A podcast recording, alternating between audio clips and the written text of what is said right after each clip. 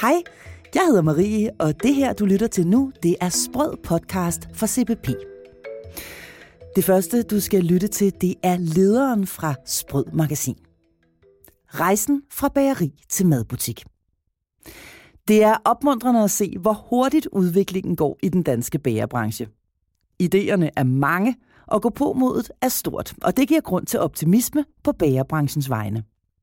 Mange af de mest spændende og succesrige koncepter bevæger sig væk fra den traditionelle forståelse af en bagerbutik, hvor der kun er kvalitetsbrød og kager på hylderne, til noget, der minder om en ægte madbutik. Men hvad er forskellen? En madbutik er et sted, hvor kunden oplever et godt udvalg, ikke bare af brød og kager, men også af convenience-produkter til at indtage på farten. Sandwich, salater, juice, kaffe med videre. Men måske også honning, pålæg og grønt fra lokale producenter. Du behøver ikke tage hele springet på én gang. Man kan også tage små skridt i den rigtige retning. Noget ligger snublende nært.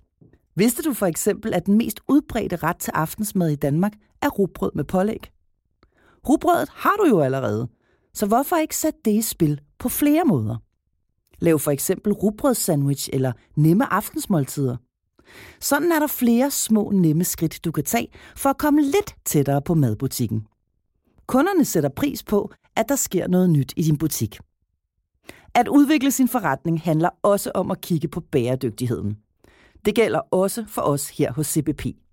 Vi vurderer hele tiden, om vi har det rigtige sortiment af råvarer, og blandt andet er buræg til diskussion. På den ene side vil vi helst undvære buræg i vores sortiment, fordi det er svært at forsvare produktionsmetoden rent etisk.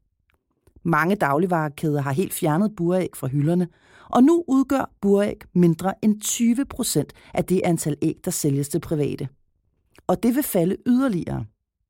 Vi vil gerne levere det, kunderne ønsker, og har derfor beholdt buræg i sortimentet, men vi diskuterer jævnligt, om vi snart skal trække stikket.